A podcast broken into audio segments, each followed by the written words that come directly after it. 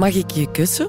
Nele van den Broek wacht liever niet te lang voor ze deze vraag stelt. Als je wacht tot je dronken genoeg bent om het te durven vragen, is de pret eraf. Meestal vraagt Nele het zo halverwege haar tweede glas. Mag ik je kussen?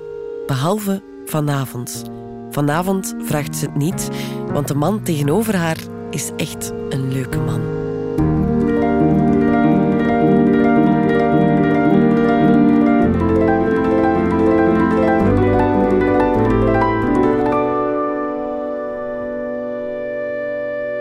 Ik je kussen?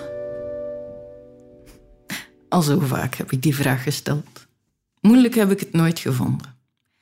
Ik heb geen zin om uren in een luide bar te zitten tot we allebei dronken genoeg zijn om elkaar per ongeluk aan te raken en dan dichter en dichter te kruipen met een onhandige tafel tussen ons in. Het is niet dat ik niet romantisch ben, maar ik heb ook nog wel iets anders te doen.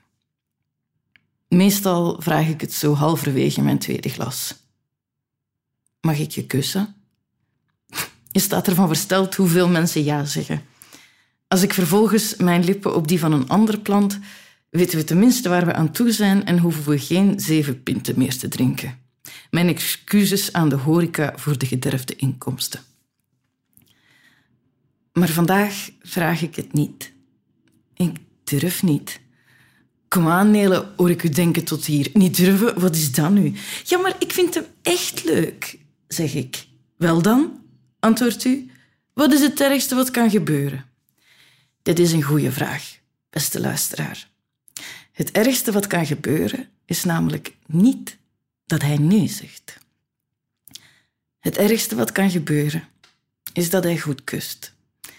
Dat we kunnen lachen met elkaar dat de tijd met hem voorbij glijdt als op de kermis toen ik kind was.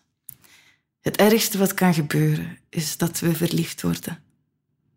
Het ergste wat kan gebeuren is dat ik geleidelijk mijn leven om hem heen ga bouwen. Dat ik al mijn dromen loslaat om een man te helpen zijn dromen na te jagen. Zoals mijn moeder deed, en haar moeder, en de lange rij vrouwen voor hen. U moet begrijpen, ik ben de eerste vrouw in mijn familie die de kans heeft om zelfstandig, ambitieus en desgewenst briljant te zijn. Mijn dromen zijn groter dan die van hem. Kort door de bocht, ik ben de man. I'm the man. Maar ik kan alleen de man zijn zolang ik niemands vrouw ben, omdat ik niet weet hoe ik lief hebben moet zonder langzaam te verdwijnen, zonder zijn geluk boven het mijne te stellen. Ik heb het simpelweg nooit gezien. Geen enkele vrouw heeft het mij ooit getoond. Gaandeweg zal de kentering zich voltrekken. Waarschijnlijk merk ik het zelf niet eens. Zoals al mijn nichten zal ik op een dag deeltijds gaan werken en trots zeggen dat het mijn eigen keuze is. Het zal ook daadwerkelijk mijn eigen keuze zijn. Ik zal een intense passie ontwikkelen voor het bakken van ingewikkelde taarten en de beste manier om strepen te vermijden als ik ramen lap lab. Ik zal gelukkig zijn. Een droomleven. Maar wiens droom leef ik? Soms denk ik dat een hele generatie heteroseksuele vrouwen gedoemd is tot een vage vuur. Niet meer de thuisblijvende broedlichamen van een eeuw geleden, maar ook nog niet helemaal onthecht van het idee dat we dat eigenlijk zouden moeten zijn. We weten goed wat we niet willen. Maar wat willen we wel? Wat ik niet wil, is het huwelijk van mijn ouders naspelen. Maar waar ligt het script dat ik wel volgen kan? Mijn moeder zei eens dat ik een man moet zoeken die tweede viool spelen wil. Iemand die mij was kan doen als ik thuis kom van tournee. Ja, veel geluk daarmee. Zo iemand vind je niet. Mannen van mijn leeftijd hebben hun moeder nog het hele huishouden zien doen. Die verwachting krijg je er nauwelijks uit, net omdat ze zo onbewust is. En trouwens, ik wil geen tweede viool. Ik wil samen eerste viool spelen.